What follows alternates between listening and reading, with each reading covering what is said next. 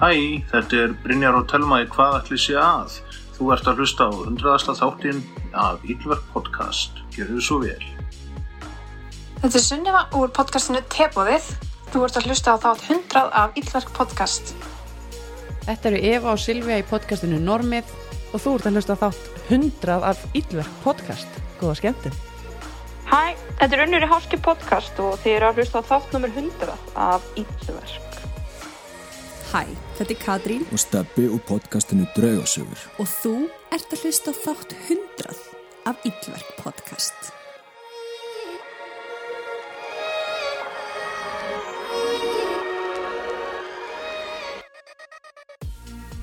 Hæ, þetta er Daniel og Ívar úr Dívan Podcast. og þið eru að hlusta á þátt 100 af Ílverk podcast.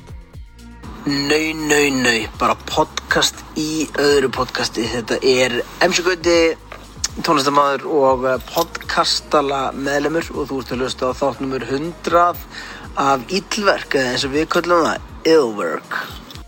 Hæ, hæ, þetta er Stella og Lára úr podcastinu Morðaforði og þú ert að hlusta á þátt 100 af Yllverk podcast. Woo!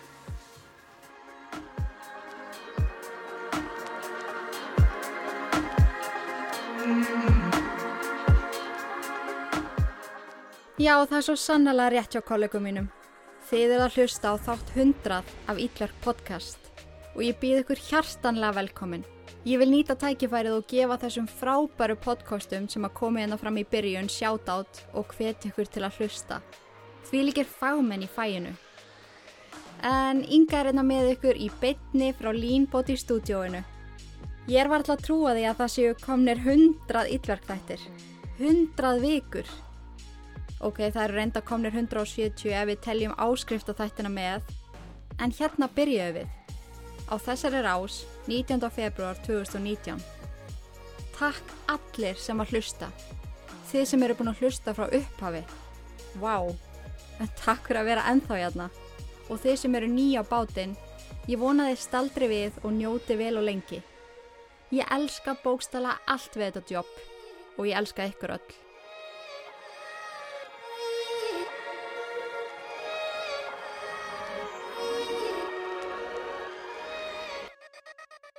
En nú er komið að setni hluta Tupac Shakur.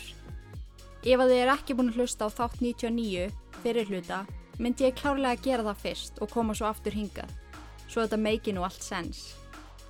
Þátturinn er í bóði Leanbody, Blush, Skuggihár.is og Lemon.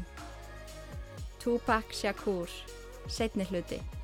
Gjöru þið svo vel.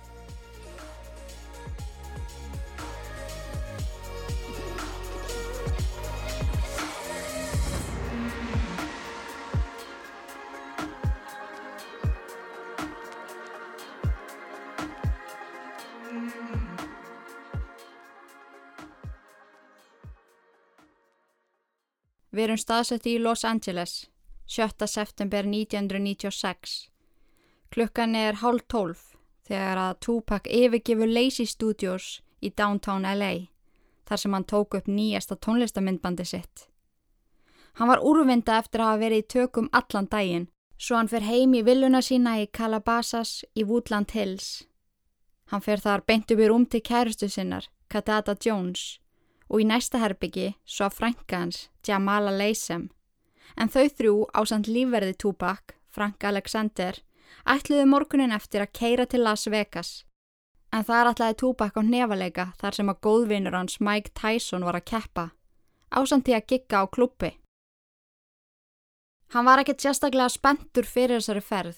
Það var búið að ganga mikið á bæði í fjölskyldulífinu og atvinnulífinu. Móður hans hafði nýverið orðið fyrir óðbeldi að manni sem hún var að hitta.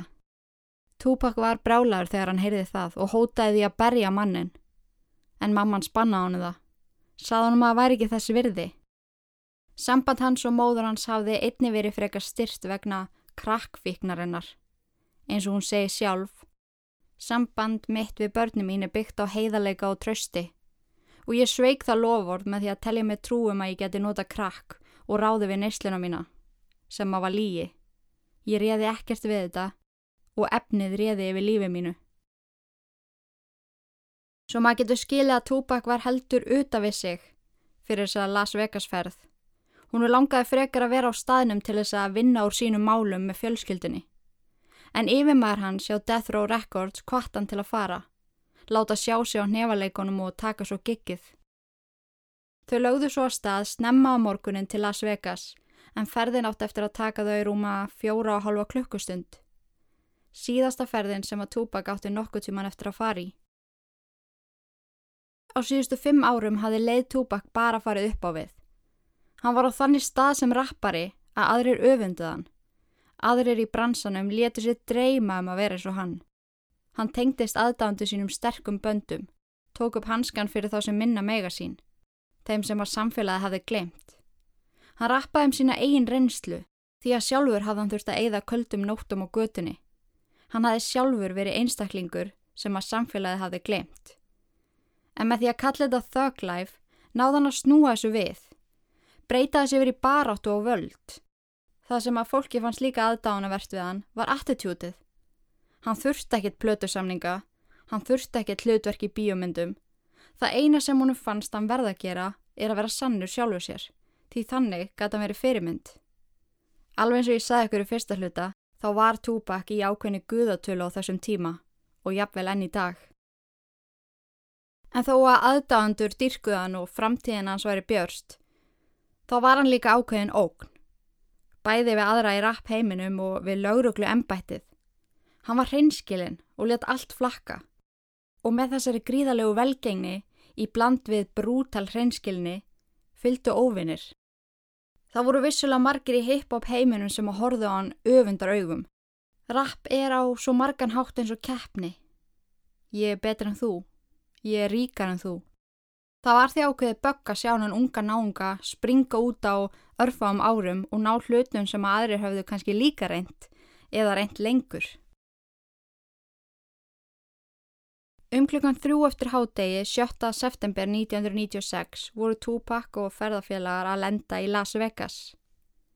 Frank Alexander byrjar á að skuttla Franku og kæristu Tupac á hótelið þar sem þau ætlaði að dvelja á.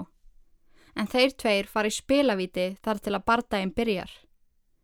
Þóttir hafi aðalega farið þangað til þess að drepa tíma var Tupac að ganga fyrir eitthvað vel og var að vinna leik eftir leik. Eftir að hafa spilað í svolítinn tíma koma svo meðlimir Outlaw Immortals sem var backup-hópurinn hans. Þar á meðal voru dansarar og söngvarar sem tóku þátt í efninu sem að hann var að gefa út á þessum tíma. Eftir að vera í spilavítinu um þrjár klukkustundir fara Tupac og lífverður hans Frank Alexander á bardagan millir Mike Tyson og Bruce Shelton sem fór fram í MGM Grand höllinni. Franka Tupac og kærastan hans heldu allan tíman að þær mættu koma með á bardagan en Tupac bannaði þeim það. Hann bannaði þeim að fara út af hótelherbygginu. Það skildi ekki alveg afhverju því uppröndilega var það planið, en það er spurning hvort að Tupac hafi vita eitthvað væri uppsiklingu. Þegar Frank og Tupac lenda fyrir utan MGM Grand, reyðst að þeim stór hópur að aðdáðandum. Það var kalla á þá úr öllum áttum og Frank átti virkilega erfitt með að standa vaktina einna verjan. Og Það voru ekki bara aðdándur sem að þrengdu að þeim. Heldur voru heiters þarna líka. En lægi sem hann gaf út, Hittum Up, hafði vakið verulega reyði innan rapp geirans. Eins og við fórum inn á í síðasta þætti, gaf hann það út sem svar til Biggie eftir að Biggie gaf út lægi Who's Shotja. En Tupac var enn nokkuð vissum að Biggie hafi átt eitthvað með það að gera, að hann hafi verið skotin fimm sinnum í andirinn í upptökustúdjói Quad Studios á Times Square í New York. En á efri hæð stúdjósins var Biggie að gera sér tilbúin fyrir upptöku á samt Puffy Combs og Junior Mafia. En setna meir var maður á nafninu Jimmy Hensman ákerður fyrir að hafa skotið Tupac. Muniði, maðurinn sem að Biggie hafi varaðan við að umgangast. Personlega held ég að Biggie hafi ekki átt neitt með það að gera. Ég alvörunni held að honum hafi þótt vænt um Tupac og Tupac um hann þótt að ágreiningurinn á milli þeirra hafi verið mjög ljótur þá líður mér í alvörinu svona miða við allt sem að ég hef lesið eins og þeir hafi aldrei persónulega vilja gera hvort öðru megin, fattiði mig en í læginu Hittum Up er Tupac ansi harð orða um fyrrum félagasinn You claim to be a player but I fucked your wife Biggie Smalls and Junior Mafia some Marcus bitches. Cut your young ass, leave you up in pieces. Now be deceased. Og svo framvegis. Og svo kemur hann líka inn á gamla tíma í læginu. Biggie, remember when I used to let you sleep on the couch. Mér finnst þetta lag einhvern veginn segja mjög mikið. Ég veit ekki með ykkur en ég fæ ekki þetta sjúka hatursvæp sem átt að vera þarna á milli. En ég held í alveg að þeir hafi verið bara mjög sárir út í hvern annan. En aldrei það sárir að þeir hefðu vilja hinn dáin. En spáðið samt í því hversu fáralega voldur þessi náunga voru. Bíf á milli tveggja manna var til Coastal Beef. Eins og Biggie segir í viðtali við Bet Network, það er svo rugglað að hugsa til þess að þessi East Coast og West Coast ágreiningur var til því að tveir náungar voru að rýfast. Og þetta var engin eðlilegur ágreiningur. Það fylgdi þessu slagsmál, íkveikjur, morð og ekki endilega þeirra á milli, það var bara svo mikill hatur hann á milli allra. Þetta er í alvegni ruggla dæmi. En svo við förum aftur uh, til Las Vegas á bardaða Mike Tyson og Bruce Sheldon en þar fyrir utan voru bæði aðdáðandur Tupac og reyðir West Coast haters og ég byggðstu velverðingar á öllum ennsku slettunum ég er ángrís komið með reym eftir alla þessa rannsóknarvinnu. En á ákveðnum tímapunkti á leiðinni inn í MGM Grand Höllina sér Frank Alexander að hann getur ekki vendaða neitt. Hittum upplægi var ný komið út og ástandi var bara ofstórt fyrir einn mann að höndla. Svo hann ringir í liðsauka. Þeir koma svo loksins inn til þess að horfa á bardagan sem að fer þannig að Mike Tyson rótaði Bruce Sheldon á undir tvei mínútum. Fagnarópin urðu gríðaleg og fer Tupac baksviðis til að hitta á Mike félagsinn og óskunum til hamingju. Baksviðis hittir hann svo yfirmann sinn hjá Death Row Records, Suge Knight. Ásand þeim er lífvörðu Tupac og aðri meðlimir Death Row Records. Þegar menninir fara fram í lobby MGM Grand, kemur einn meðlim að Death Row, Trevan, til Tupac og segistur að ræða við hann. Hann kvíslar að Tupac að hann hafi komið auga á náunga í lobbyinu, Orlando Anderson. Sami náungi og hafði rænt á hannu skarsti, ásamt því að vera viðriðin því að skjóta hann fimm sinnum. Þessi maður er einnig partur af Southside Crips genginu sem eru erki óvinnir gengisins The Bloods, gengi sem að Death Row Records tengist. Þótt að Tupac hafi ekki vita hvað þessi tiltekni maður var að gera þarna, ákveður hann að kenna hann leksíu, bæði fyrir að hafa rænt og fyrir að vera hluti af raungu gengi. Og bæði veið þá þóli ég ekki, ég þóli bæði og ekki orðið gengi, mér finnst það svo illa pleppalegt en Ég er að reyna að nota íslensku yfirna. Tupac kleipur hann að Orlando og kýlir hann og eftir honum koma Death Row Records meðlimir og ráðast á hann líka. Frank, lífurðu Tupac, tekur hann í burtu frá árásinni. Þeir voru nærðuði búin að ganga endala frá manninum. Eitthvað sem að Tupac þurfti svo innileg ekki á að halda á sína sagaskrá. Þeir yfirgefa MGM Grand. Fara upp á hótelherbyggi til að skiptum född, þar sem Franka Tupac og kærastan hans byðu eftir þeim. Það fór svo líka stittast í giggið á Club 662. Franka hans og kærasta muna sérstaklega eftir því að þetta kvöld hafa hann verið virkilega uppveðraður og spentur.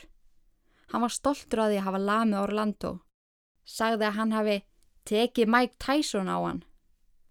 Það sem að þeim er líka minnistætt er að Tupac ákveður að vera ekki í skotheldu vesti undir fötunum sínum þetta kvöld. Hann var alltaf í því og hann þurfti alltaf að vera í því. Hann fór aldrei út án þess að vera varin, en þetta kvöld sleft hann því. Sagði að það væri of heitt úti fyrir vestið. Eftir stutt að stoppið upp á hótelherbyggi, likur leiðir að villu í eigu sjúk nætt, eiganda Death Row Records. Þegar þeir lenda þar, hverfa Tupac og Sjögg í eitthvað tíma. Engin vissi hvað fór þeir á milli akkur á þarna og allir voru bara býða óþölumóðir eftir að geta lagt af stað á klubbin. Villa Sjögg var líst upp með rauðri lýsingu, litur gengisins The LA Bloods, en Sjögg var þekktu fyrir að ganga mikið í rauðu. Margir sögðu að með því að bendla sig við þannan mann væri Tupac að halaða sig fleiri óvinnum, þá sérstaklega erki óvinna The Bloods, The Southside Crips. Eftir að Súk og Túbak hafðu verið í burti um hálftíma, komur út og þá gatt hópurinn lagt af stað á Club 662. Áður en þeir lögða stað kom Túbak með ansi skringilega beðni. En þegar Frank Alexander, Túbak og Sút gengu af bílnum, bað Túbak líförðin sinn Frank að taka liklana af Lexus í eigu Sút og keira hann á samt meðlum um Outlaws. En Sút vildi hafa þetta svona því að hann þurfti að ræða meira við Túbak undir fjögur augu. Það kom svo fram setna meira að það sem að menninni voru að ræða var að Túbak ætlaði að yfirgefa Death Row Records. Þóttan hafi notið þýlikrar velgengni undir þeim, þá var stór ástæða fyrir því að hann vildi fara. Hann var komið nóa því að eiga óvinni. Hann var orðin þreyttur á því að veit ekki hver var í raun og veru vinnur hans og hver var í óvinnur. Ofan á það hversu lítinn skerf af innkominni hann fjekk, vildi hann ekki bendla sig við Death Row Records lengur. Á leiðinu á klúpin stoppuðu Tupac og súk á rauðum ljósum. Það stoppar bíl við hliðina þeim þar sem að aðdándi kalla til hans og tekur á hann mynd. Síðasta myndin af honum á lífi. Og svo skyndilega, eins og þrjum ár heiðskýru lofti, byrtist kvítur katilag. Ökumærin keiri rólega upp að BMWaffinum. Út úr afturúðinni byrtist svo hönd og í höndinu var bissa. Úr henni var skoti stanslöst þar til að hilki var búið. Fjögur skot enduði líkama túpak. Tvö í brjóstkassan, eitt í handlegin og eitt í lærið. Sjúk fekk brot úr bissukólunum í höfuðið. Bara ef að túpak hefði verið í vestinu sínu þetta kvöld. Frank Alexander lífverið túpak sem var rétt og eftir þeim sá þetta gerast. Það fyrsta sem hann gerir eftir að katilaginn spænir í burtu er að hlaupa að BMWaffinum. Í því tekur sjög skarpa uppeyju og spænir í burtu. Frank segi sjálfur að hann hafi verið algjörlega tíndur á þessum tímapunkti. Hann hafi hugsað með sér, voru þetta alvöru bissukúlur? Var í alvörunni verið að skjóta á þá? Stuttu eftir að BMWaffin keirir í burtu stöðvaran. Sjúkrabílar og laurugla voru þá mætt á staðinn og í annars skipti á sinni stuttu æfið þurfti Túbak að berjast fyrir lífi sínu. Mennir eru báðir fluttir á bráðadelt University Emergency Center. Á leiðinni er Tupac spurður hver skautan og hann á að hafa svarað fuck you, svo að samkvæmt sömum voru það hans síðustu orð. Þetta er allan að það sem laurugla helt fram, en enginn segist að heyrt hann segi þetta og hans síðustu orð samkvæmt bráðaliðum var ég er að deyja. Hann fyrir strax í tvær bráða aðgerðir þar sem anna lunga hans er algjörlega fjarlægt til þess að stöðva alvarlega innvortis blæðingu. Húnum er á endanum komið í stöðut ástand, en eina leiðin til þess var að hafa hann í kóma eða dái, dá sem hann átti aldrei eftir að vakna upp úr. Fjölskylda hann skiptist á að sitja yfir honum næstu sex dagana, en þann 13. september 1996 lést hann aðeins 25 ára gamall. Um leið hófst rannsókn á málinu og uppkomu mjög margar kenningar. Sumir halda að þetta hefði verið hemda Crips vegna árásurinnar á Orlando Anderson. Sumir benda á Biggie. Margir heldu að þetta væri sett upp af Shoot Knight sjálfum fyrir að ætla að yfirgefa Death Row Records.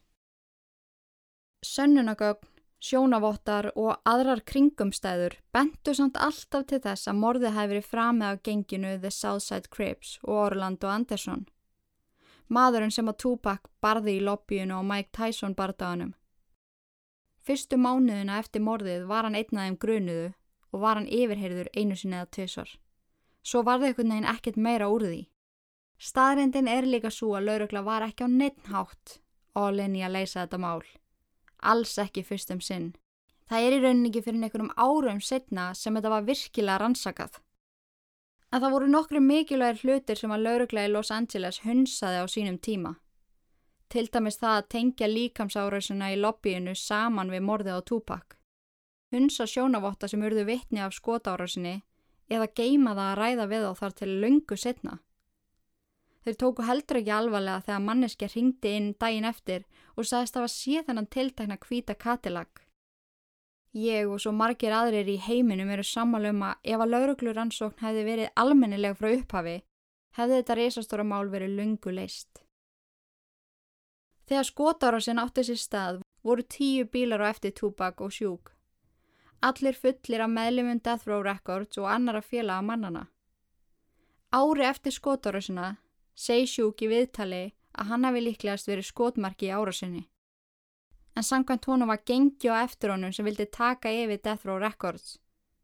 Hann segist ekki hafa hugmynd um hver skauð Tupac og bæti svo við að hann myndi aldrei segja frá ef hann vissi hver hafi gert það.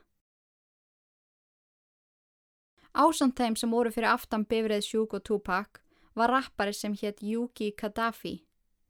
Hann segist hafa séð hver skauð Tupac og ef það veri sínt honum myndir af grunuðu mönnum gæti hann léttilega bent á hann seka. Lauruglan í Compton setti sama myndasafn af grunuðu mönnum og í þeim hópi var Orlando Anderson. Lofræðingu Gaddafi sagðist alltaf að setja upp fund þar sem að Gaddafi geti þá skoða myndirnar. En Gaddafi svaraði aldrei símanum og varð aldrei neitt úr þessum fundi. Tvei mánuðum eftir að Tupac var drepin var Gaddafi skotin til bana. Lauruglu embætti í LA setti af stað rannsókn í kringum 2011 þar sem að rannsaka var morði á Tupac og svo morði á Biggie. Mál sem að ég mun klála að taka fyrir líka. En þar kom fram að maður á nafninu Dwayne Davis eða Keefe D, meðlemur Kripsgengisins og frændi Orlando Anderson, hafi haldið fram að hann hafi verið í kvíta katilagnum þegar Tupac var skotin. Hann neytaði hins vegar að segja til um hver gerði þetta því að hann var bundin street code.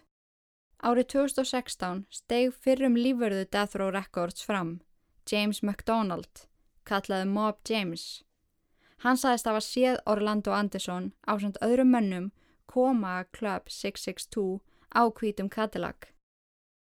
Nokkru mánuðum áður en Tupac var skotin lendi Orlando Anderson í ágrenningi við Travon Lane, meðlim Death Row Records, en þeir rákust á hvern annan inn í leiku út verslunamiðstöðni og Orlando kippir gullkeðju af hálsi Travon.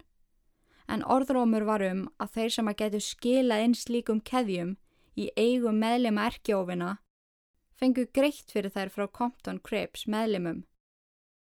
Þetta var náttúrulega gífulega mikil vannverðing og það kom upp mikil reyði hjá Shoot Knight og annara meðlema Death Row, þar á meðal Tupac. Trevon Lane sér svo Orlando í lobbyinu eftir Mike Tyson bartaðan og benti restin af genginu á að hann værið þarna. Og það var þá þegar menninir ásand Tupac réðust á Orlando. Þrejum tímum setna var Tupac svo skotin. Það gengur svo sögur um að Orlando hafi montað sig af því að hafa myrst rapparan, en neytaði svo allir sög setna í viðtali og yfirheyslu og setna mér segir hann líka að hann hafi verið mjög mikill aðdáðandi. Rannsóknin sem á hófst 2011 hjá lauruglu ennbættin í LA og var stjórnað af Greg Kading fann gögnum að Sean Combs, P. Diddy eða Puffy eins og hann var kallaður, hafi borgað Dwayne Davis eða Keefe D eina miljón dollara fyrir að drepa Tupac. En á upptöku þar sem að Greg Kading ræði við Keefe D segir hann að frændi sinn Orlando hafi verið sá sem skaut bana skotinu. Og þessar tilteknu upplýsingar um að The Combs, stjórna P. Diddy, hafi borgað eina miljón fyrir að drepa Tupac og Sjúk kom upp ítrekkað. En eins og þau heyrið, þá hallast alltaf Orlando Anderson sem er núna dáin en hann var skotindi bana árið 1998. En þótt að hann hafi skotið Tupac bana skotinu þýðir alls ekki að hann hafi skipulagt þetta. Í læginu sínu Killshot gefur Eminem það í skinn að Diddy hafi myrt Tupac. Kill shot, I will not fail. I'm with the doc still, but this idiot's boss pops pills and tells him he's got skills. But Kel's the day you put out a hits, the day Diddy admits that he put the hit out, they got pop kill. Ah, I'm sick of you being whack and still using that motherfucking auto tune. So let's talk about it. Talk about it. I'm sick of your mumble rap mouth. Need to get the cock about it before we can even talk about it. P. Diddy svarar þessu með að segja I'm handling it. En í dag er þetta mál óupplýst en það eru vissulega ákveðnir aðilar sem koma freka til greina en aðrir. Í þetta skipti á leitaði ég til ykkar þegar komaði að rannsaka gögnin úr þessu máli, en það voru nokkrir dæhard túbak aðdándur sem að heyrðu í mér og ég er að segja ykkur það að ég lág hérna við rúmi í tvo tíma og spjallaði við tíu mismunandi mann sem túbak, besta kvöld lífsmins Og takk fyrir spjallið, miklu meistarar. Ég fekk alls konar sjónahotn og skoðanir sem að skýrðu málið fyrir mér. En flesti sem að ég spjallaði við voru á Pete Diddy kenningunni. Hann hafi skipulagt þetta og Orlando Anderson hafi svo framið morðið sjálft. Ég spjallaði meðal annars við Steppa hjá Draugasögu podcast, mæli með by the way, en hann kom með mjög áhugaverðan punkt. Ef að Biggie hefði ekki verið uppi á sama tíma á Tupac, væri Tupac sennilega enn á lífi. Því að hatra á milli East Coast og West Coast var svo mikið, eins og ég saði ykkur áðan, meðan það mjög áhugaverðu punktur.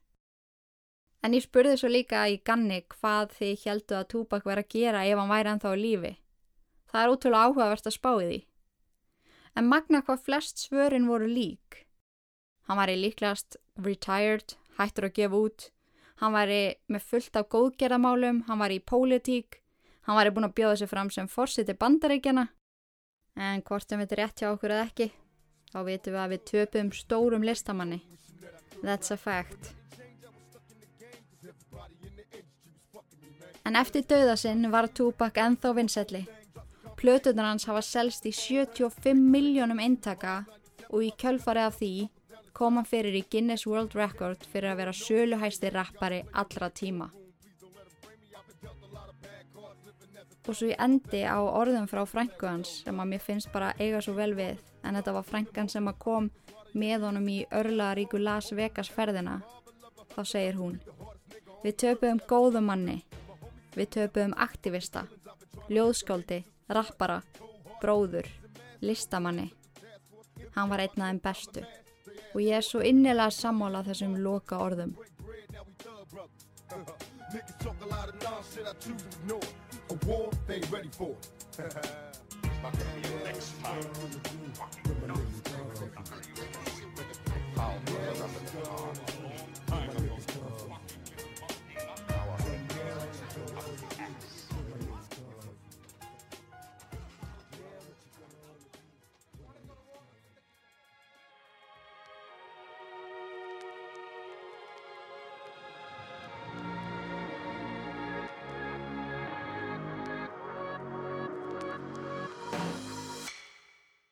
Þakka ykkur kærlega fyrir að hlusta. Í allar þessar hundra vikur sem að Ítluverk podcast hefur verið starfandi. Ég hlakka til að halda áfram og ég hlakka svo til að starta season 2 og ég vonast til að hafa ykkur öll mér við hlið áfram.